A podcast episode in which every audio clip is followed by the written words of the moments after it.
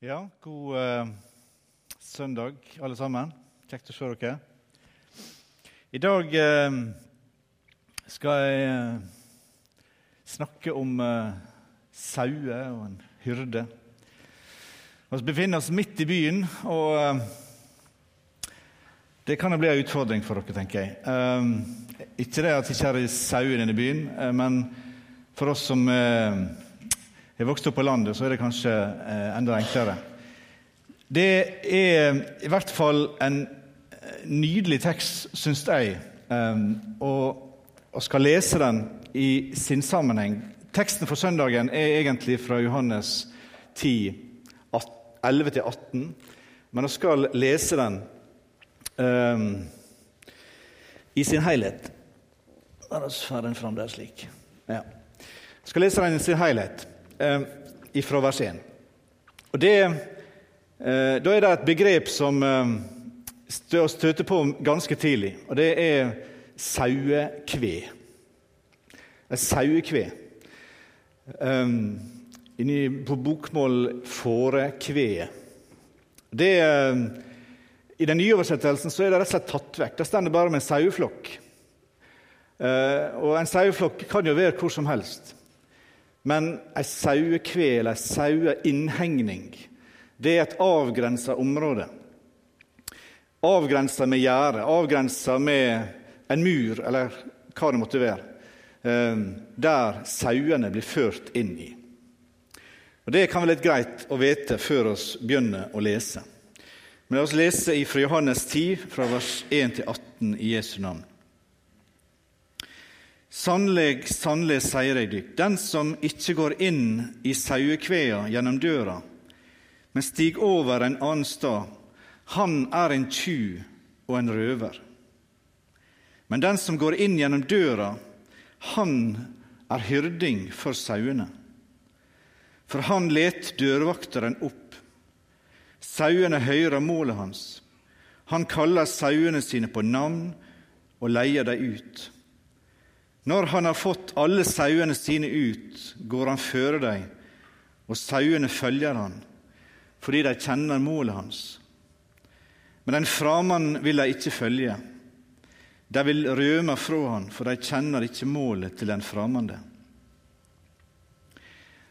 Denne likninga taler Jesus til dem, men de skjønner ikke hva det var han taler til dem om.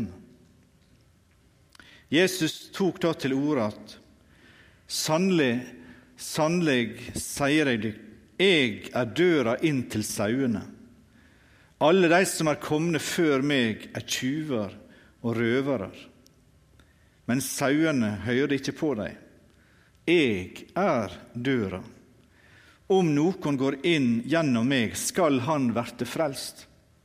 Og han skal gå inn og gå ut og finne føde. Tyven kommer bare for å stjele og drepe og ødelegge. Jeg er kommet for at det skal ha liv og ha overflod. Jeg er den gode hyrdingen. Den gode hyrdingen setter livet til for sauene. Men han som er leiekar og ikke hyrding, han som ikke eier sauene, forlet sauene og rømer når han ser ulven komme. Og ulven rømer dem og jager dem fra hverandre for han er en leiekar og har ikke omsorg for sauene. Jeg er den gode hyrdingen. Jeg kjenner mine, og mine kjenner meg.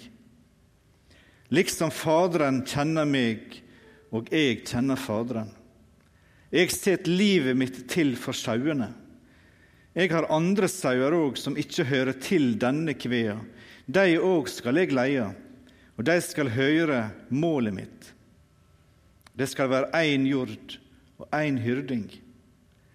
Derfor elsker Faderen meg, fordi jeg setter livet mitt til så jeg kan ta det att. Ingen tek det fra meg, men jeg setter til av meg sjøl. Jeg har makt til å sette det til, og jeg har makt til å ta det att. Dette både fikk jeg av far min.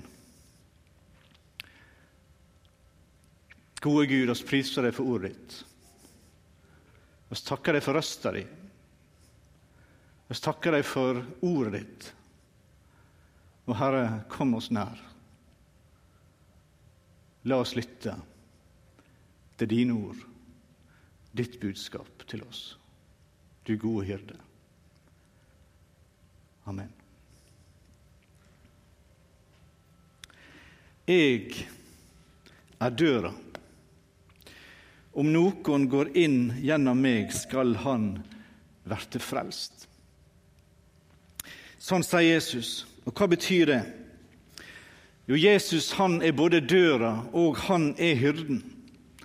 Jesus er både døra og han er gjeteren. Som jeg sa, en sånn sauekve eller innhegning. Det er et avgrensa område som setter restriksjoner på sauene sin frihet. Og når sauene skulle inn, sånn er det blitt meg fortalt Når sauene skulle inn eh, og ut, så stilte hyrden seg i åpninga på denne innhegninga. Han stilte seg i åpninga på denne sauekvea. Så sto han der og så slepte han sauene gjennom beina sine. Og Sånn hadde han full kontroll og kunne telle hvor mange som kom inn, hvor mange som kom ut. Han er både hyrden, og han er døra inn til hyrdning. Inn til, til innhegninga. Her ser dere bilde av et, ei bok. John Bunyan han skrev eh, en pilegrimsvandring i 1679. Eh, og eh, i mange, mange år så var den boka eh, den nest best leste boka i verden, etter Bibelen. Og eh, beskriver en, den, en kristen sin vandring fra denne verden som vi lever i her, og til den som vi går i møte. Pilegrimsvandring. Har du lest den? Så uh, veit du hva jeg snakker om. og um, Har du ikke lest den, så fins den tilgjengelig uh, og anbefales. I denne boka så forteller John Bonnion om bl.a. om en som heter overfladisk, og en som heter hykler, og som tok snarveien over muren for å komme seg inn på veien som fører ifra fordervelsens stad til den himmelske stad. Vi ble fødde i tomhetens land og er på vei mot den himmelske stad, sa de. Men hvorfor hopper dere over muren i stedet for å gå gjennom den lille porten, ville kristen vite. Veit dere ikke at alle som kommer inn på en annen måte, er en tjuv? Å, folk her omkring er alltid tatt en snarvei, sa overfladisk. Det har de gjort i hundrevis av år. Det kan ikke være noe galt i det. Men evangelist han sa, innvendte kristen, S, det spiller ingen rolle hvordan vi kom inn, sa disse mennene. Er vi inne, så er vi inne. De kom ikke så veldig langt. Heller ikke en ung fyr som heter Dum. Han kom ifra et land som heter innbilskhet. Men du kom ikke inn gjennom den trange porten, sa kristen. Du kan da ikke vente at jeg skal gå helt tilbake dit, sa Dum. Jeg skal til den himmelske stad. Hva har du å vise for deg ved himmelens port? spurte kristen. Har du dokumentet som trengs? Nei, det har ikke Og det kommer jeg aldri til å trenge. Jeg trenger ikke noe sånt. Dere får gjøre ting på deres måte, og så gjør jeg det ting på min måte, sa Dum. Jeg er sikker på det kommer til å gå bra. Men når han sto der ved himmelens port, så måtte han snu. Kristen han hadde dokumentet sitt i orden. Og Det bønnen vil fortelle oss, er at det er ingen snarvei. Egen, ingen egen kvikkfiks, ingen egne løsninger inn i Guds rike. Det er ingen rom for kreative løsninger. Efeserbrevet 1,13 sier til oss i Han, altså i Kristus, har det òg, da de fikk høre sanningsordet, evangeliet om dykkar frelse. Ja, i Han har det òg, da de kom til trua, fått Den hellige ande til segl. Dette dokumentet som kristen snakker om, det er for all, gitt til alle som kommer inn gjennom den trange porten. Det er Den hellige ånds gave. Den Han som er pantet på vår arv. Den som går inn gjennom porten, han får Den hellige ånd som innsegl. Og dette seglet får oss når vi tror på Jesus Kristus. Når vi erkjenner at vi, jeg, kan ikke møte Gud slik som jeg er. Paulus omtaler Jesus Kristus i dette kapittelet i, første, eh, i Efeserbrev 1 som 'den elskede'. Den elskede. Og Jesus sier i denne teksten derfor, derfor elsker Faderen meg, fordi jeg setter livet mitt til så jeg kan ta det att. Ingen tar det ifra meg, men jeg setter det til av meg sjøl. Jeg har makt til å sette det til og jeg har makt til å ta det igjen.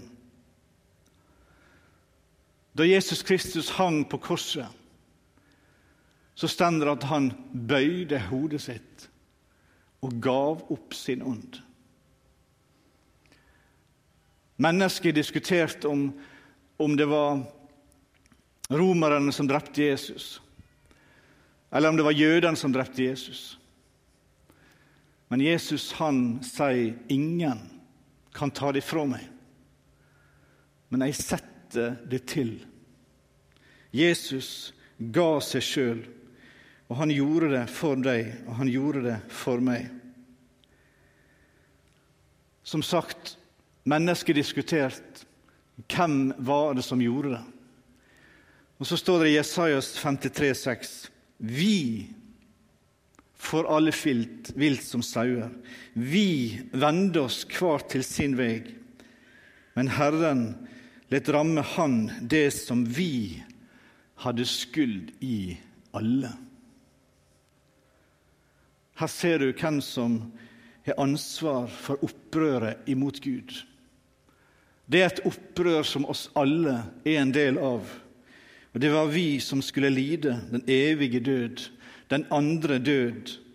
Men for vår skyld så sette hyrdingen livet sitt til for sauene. Der er ingen snarvei til himmelen. Det er ingen snarvei til Gud. Veien går kun gjennom Jesus Kristus, som setter sitt liv til for deg, for alle syndere. Så trang er døra men likevel rikelig vid nok for alle som vil komme til ham med sine synder, med sitt liv. Han er døra inn til Guds frelse. Og han kaller sauene sine på navn, og han leier dem ut, står det.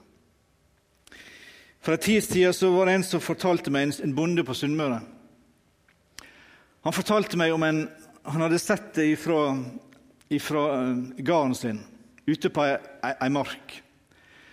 Uh, en flokk med geiter som, uh, som, som var liksom rundt omkring der. Og så plutselig så kommer ei ørn. Og så sikter hun seg inn tydeligvis på en av geitekillingene som er midt ute på marka for seg sjøl. Og Da, da så han noe som, som bare ga han hakeslepp. For han så hvordan disse geitene storma imot denne geitekillingen. Eh, flokka seg om han. Og så, slik at ørna ikke klarte å, å, å angripe. Og Sammen så drog hele flokken seg inn imot berget, og berga alle var i sikkerhet. Jeg er sauebonde, sa han. Jeg har aldri, aldri sett noe lignende. Og du har aldri møtt en bonde som prøver å, å banke vett inn i skallen på en sau. En sau er som han er. Um, og det er ikke for ingenting at Bibelen sammenligner oss mennesker med dette dyret. For mennesket er slik det er.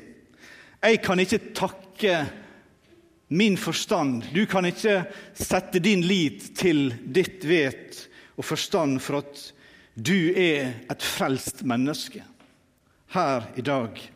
Eneste grunn er at det var en hyrde som lette etter deg, som hadde omsorg for deg, som hadde et blikk for deg og for din sjel.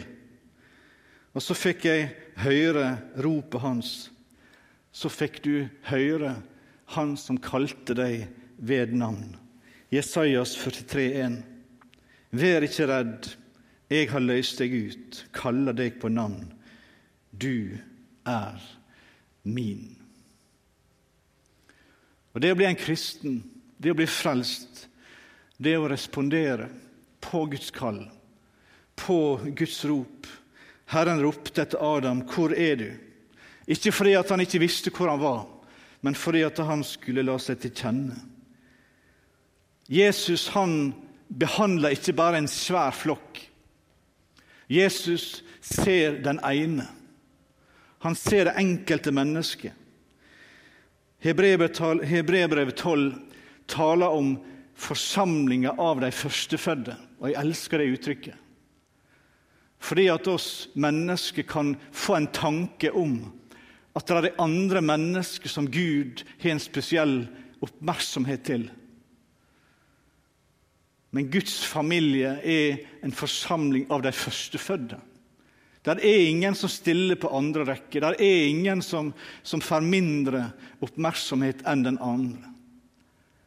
Og Sånn er det også den gode hyrden.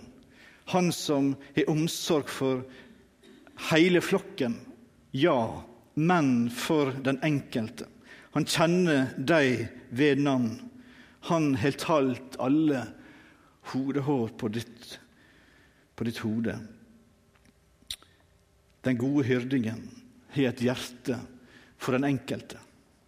Og Matteus 9,36 sier det sånn Da han så folket, tykte han inderlig synd i dem, for de var herja og forkomne som sauer uten hyrding. Det er ingen som, som ser mennesket sin tilstand. Det er ingen som ser ditt inderlige og innerste behov som den gode hyrde, hva du trenger. Og I Markus 1,40 leser oss om møtet mellom denne gode hyrde og en spedalsk. Jesus møtte ulike mennesker. Han møtte flotte mennesker. Han møtte en romersk høvedsmann. Han møtte de fromme, de fine i samfunnet.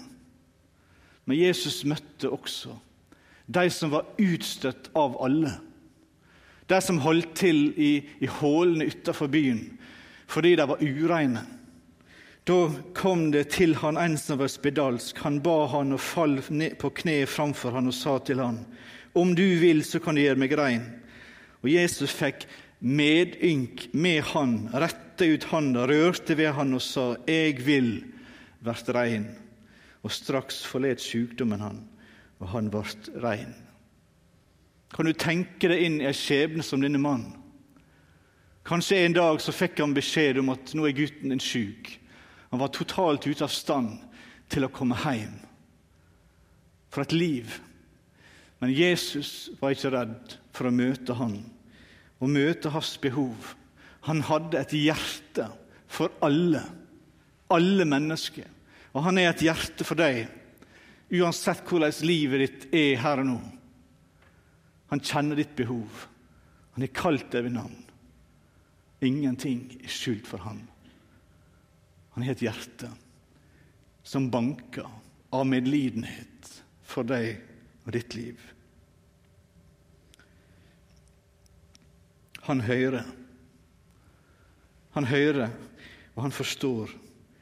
Han kjenner på medlidenhet med alle som har det vanskelig. Du verden hvor jeg trenger en berøring av den gode hyrde. Hvor jeg trenger å bli stelt med. Hvor jeg trenger å være under innflytelse av Han, Hans eh, nåde og Hans berøring. Og det trenger du også. Jeg er helt sikker på at det er ting i ditt liv som du går og ber med som du syns er vanskelig. Det er en hyrde som ønsker at du forteller han alt.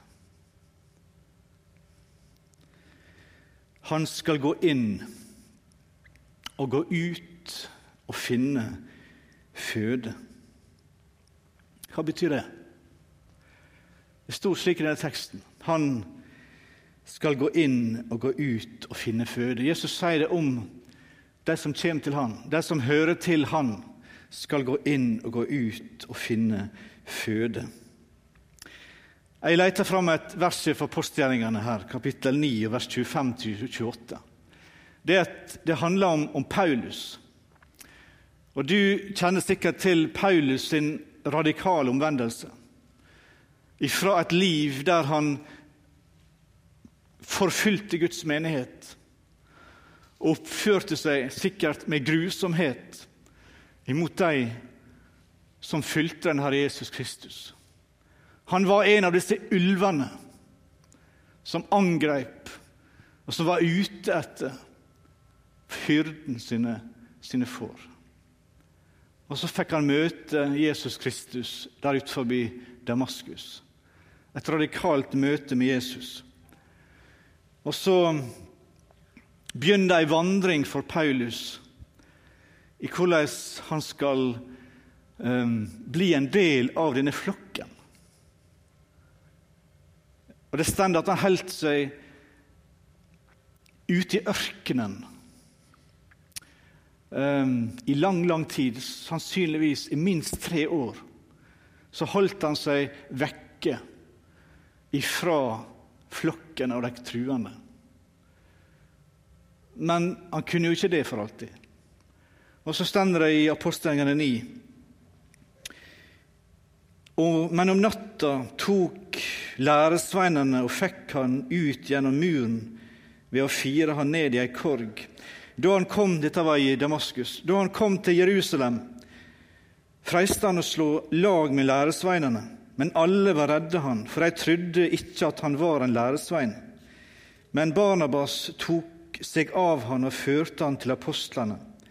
Han fortalte dem hvordan Saulus hadde sett Herren på veien, og at Herren hadde talt til ham, og hvor frimodig han hadde talt i Jesu navn Damaskus. Og Etter dette gikk han inn og ut hos dem i Jerusalem, og han forkynte frimodig i Herrens navn. Det skjedde noe. Det skjedde noe hos dem. Før så var de kristne skeptiske til Paulus, med all grunn, selvsagt. Men fikk, de fikk se at han virkelig hadde blitt en av de truende. En som hadde møtt den Herre Jesus Kristus. En som var født på ny. En som var blitt som deg. En som var blitt som en kristen bror. Og Fra da av så gikk han inn og ut hos de kristne. Jeg tror jeg fortalte dette før, men jeg, for noen år siden var, hadde jeg en møteveke en plass. Um, et godt stykke herifra. Uh, og jeg kjente det når jeg kom inn i heimen der jeg skulle bo, at uh, det var et eller annet spenning i lufta. Uh, det var et eller annet usagt. Det var et eller annet jeg kjente på ikke var helt greit. liksom. Ehm, og ganske riktig, ehm, om det var første eller andre kvelden, så, så ble et par tema brakt på bane som, ehm, som eh, dette ekteparet hadde hissa seg opp over ting som jeg hadde meint, og, og som Indremisjonen mente, osv. Hva sto for. Og Så fikk jo snakke ut om dette, her da. og så ble det en liten misforståelse eh, lagt til side. Og så eh, ble det egentlig fryktelig greit. Um, og etter den samtalen så var det jo ikke bare måte på hva jeg skulle få lov til. For før jeg kom, så var det liksom Der skal du bo. Eh, og da er det frokost, og liksom sånn. Eh, og, og, etter det så var det liksom Hallo, um, vil du låne bil? Eh, her er nøkkelen. Og kjøleskapet er der, og du bare ordner det sånn som så, um, Det er en helt annen stemning. Og jeg kom, fikk gå og komme akkurat sånn um, som jeg ville. Det var skapt tillit. For meg så er dette noe av uttrykket i denne teksten som hyrdingen vil formidle til oss. Der er skapt et klima, et tillit. Um, en som får tillit, kan vandre inn og ut av ditt hus. Og slik er det med deg som er en kristen, i ditt forhold til den gode hyrde. Du kommer inn i et forhold til Herren på en slik måte at du kan gå inn og ut av huset som en som hører huset til. Det er ikke et fryktforhold. Jeg vet ikke hva slags bilder du har av Gud. Jeg vet ikke hva slags bilder du har av den Herre Jesus Kristus. Men en del har et vanskelig forhold, et vanskelig bilde. Skapt av et eller annet. Der er ikke et fryktforhold mellom den gode hyrde og de som hører han til. Et menneske som har bekjent sine synder. Du som har brakt alt fram i lyset. Du har ingenting å være redd for. Men han og forholdet ditt til han er basert på tillit. Det er noe av det vakre tillitsforholdet som til Herren som skulle prege oss. Far til den heimeværende sønnen, han sier noe eh, i Lukas 15. Han sier 'alt mitt er ditt', sier han. Og Her ligger noe av det samme. Um, og det er Gud som sier det. Det er ikke hvem som helst som sier det. Men det er Herren som sier til deg alt mitt er ditt. Og Gud han er rik nok for alle som kaller på Han. Og Det er ikke bare slik at Gud har gitt deg litt av sin rikdom. Han har gitt alt. Alt mitt er ditt. Og i det forholdet skal oss fornærme oss den Herre Jesus Kristus. Et tillitsforhold til Han som ga sitt liv til soning for alle dine synder. Det skal være én jord og én hyrding. Det skal være én flokk og én hyrde. Den samme bonden på Sunnmøre som fortalte om geitene, han sa at det som er farligst for sauden, det er ravna. Han hadde sett det så mange ganger. Ravna som angrep, som hakka ut øyet på sauen, og så venter den på at sauen skal omkomme. Det er tydeligvis ikke ulven som er verst, eh, i hvert fall på våre kanter. Men Salomos ordspråk sier det sånn et øye som spotter far og forakter lydnad mot mor, det skal ramnene attmed bekken hakke ut, og ørnunger skal ete det. En sau kan være en forsvarsløs skapning, og derfor så trenger oss en hyrde. Og Jesus sa, 'Jeg har andre sauer også, som ikke hører til denne flokken,' 'og de òg skal jeg leie, og de skal høre mi røst.' Det skal bli én flokk, én jord, én hyrding.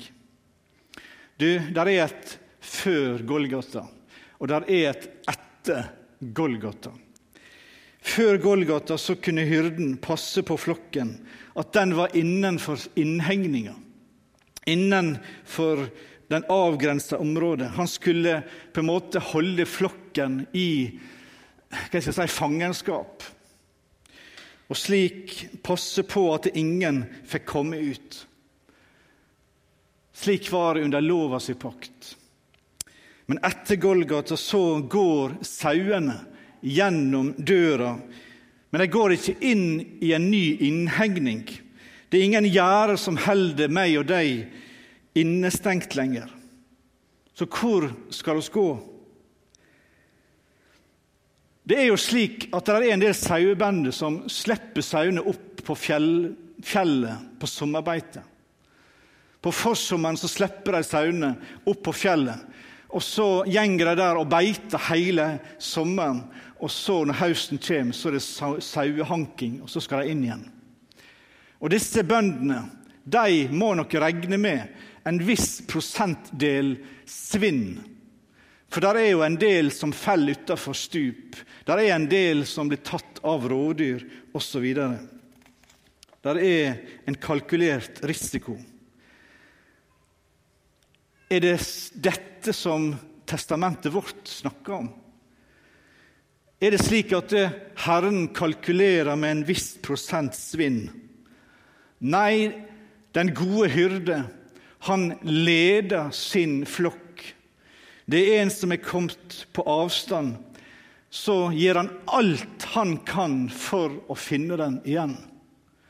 Om det er én av hundre som er villa seg vekk, så vil den gode hyrde gjøre alt den kan, han kan for å bringe den tilbake igjen. Det er en flokk. Paulus sier dette til de eldste i Efesus når de tar avskjed der på stranda i Milet. Apostelen 2028. Så tar nå vare på dykk sjølve og på hele den jorda som Den heilage ande har sett dykk til å være tilsynsmenn for, så det skulle vakta Guds kirkelyd, som han vant seg med sitt eget blod. Og hva er det som former denne flokken? Hva er det som samler denne flokken? Jo, det er jo hyrdingen. Det er hyrdingen. En jord er sauer som samler seg om en person av fri vilje. Det er ingen taumer, det er ingen bissel, det er ingen ting som blir lagt over oss sånn sett. Ingen fangevokter. Men det er et liv i frihet. Og oss får skue inn i frihetens fullkomne lov, står det i Jakobs brev. Flokken holder seg sammen fordi den hører på hyrdingen sin røst. Nå blir jeg bevart ved hyrdingen sin storhet, som gjør at jeg vil være hos Han. Det er ingen som tvinger meg til det. Det er Jeg kan gå dit jeg vil. Men Jesus sier, 'Jeg er den gode hyrdingen'. Jeg kjenner mine, og mine kjenner meg. Jeg har så lyst til å si til deg som sitter i formiddag du er ikke kalt til å være en, en sau som virrer rundt i, i Setesdalsheiene for å realisere deg sjøl. Du er ingen, ingen som er på fjellbeite under kalkulert risiko fordi at du sjøl skal realisere ditt liv. Enten du er sykepleier eller du er lærer, eller du er bankmann, eller hva det måtte være, pensjonist. Jeg og du har et kall til én ting, og det er å høre hyrdens røst. Høre hyrdens røst. For den røsta evner å skape en tillit, en trygghet, til at oss holder oss til Han. Alt handler om å lytte til Hans røst og leve livet vårt etter Guds hensikt, etter Guds ære. Alt til Guds ære. Det er en av disse pilarene som oss kan markere i et reformasjonsjubileum. Sola deo gloria. Aleine Guds ære. Derfor er jeg til. Derfor er du til. Og Det ble sterkt for meg når jeg las i Mosebøkene om dette folket som er så ustadig, og som gjør sånn opprør imot Gud. Og Gud spør skal jeg gi opp hele dette folket. Og Gud sier nei, for mitt navns skyld så kan jeg ikke det. Og det er det det handler om. Eier du leve vårt liv til Guds ære, i etterfølgelse av Han, for å realisere Guds hensikt med mitt liv, med ditt liv, med alle mennesker sitt liv. Og Dette er så radikalt at Jesus til og med sier dette i Lukas 10,3, som er det siste. Gå av stad, sier han når han kaller 70 disipler. Gå av stad, sjå, jeg sender dykk som lam midt mellom ulver. I alle dager, hva er det slags risikoprosjekt Jesus begir seg ut på? Jo, fordi Jesus han har tatt ansvar for å bevare sitt folk. Mine sauer hører min røst, og de kjenner meg, og jeg kjenner dem, og de følger meg, sier Jesus litt senere i, i, i, i kapittelet. Og jeg gir dem evig liv, og de skal aldri i evig gå fortapt, og ingen skal rive dem ut av min hand. Så sender Jesus sitt folk som lammet midt imellom ulver, Fordi vår verden er slik. Men han er mektig til å bevare de han sender.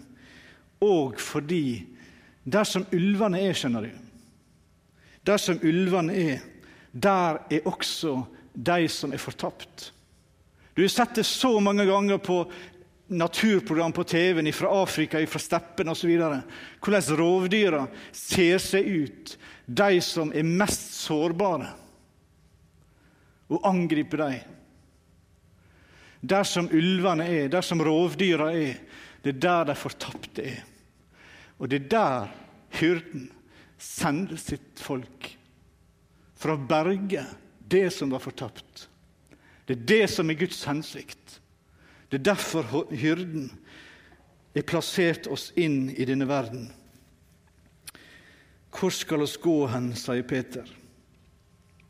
Hvor skal vi gå hen? Å, der er noen som har fått smak på hyrderøsta.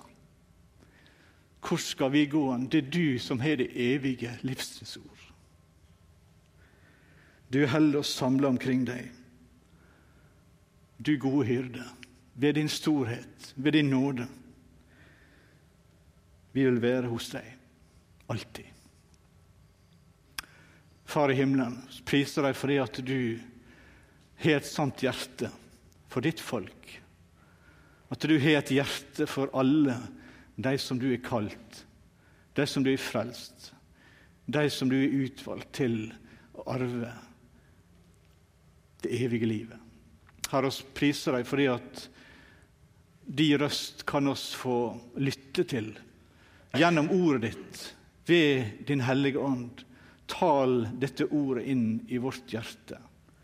Gjør oss lyttende for de stemmer. Hjelp oss til å prioritere, Herre, og sette oss ved dine føtter. Lytte etter røsten. Så skal oss aldri gå vill. Så skal oss kunne lede mennesket, de fortapte, de som er blant ulvene, Jesus. Leder dem til deg. Må du gi oss nåde til deg, gode Gud. Og du skal ha all ære i all evighet. Amen.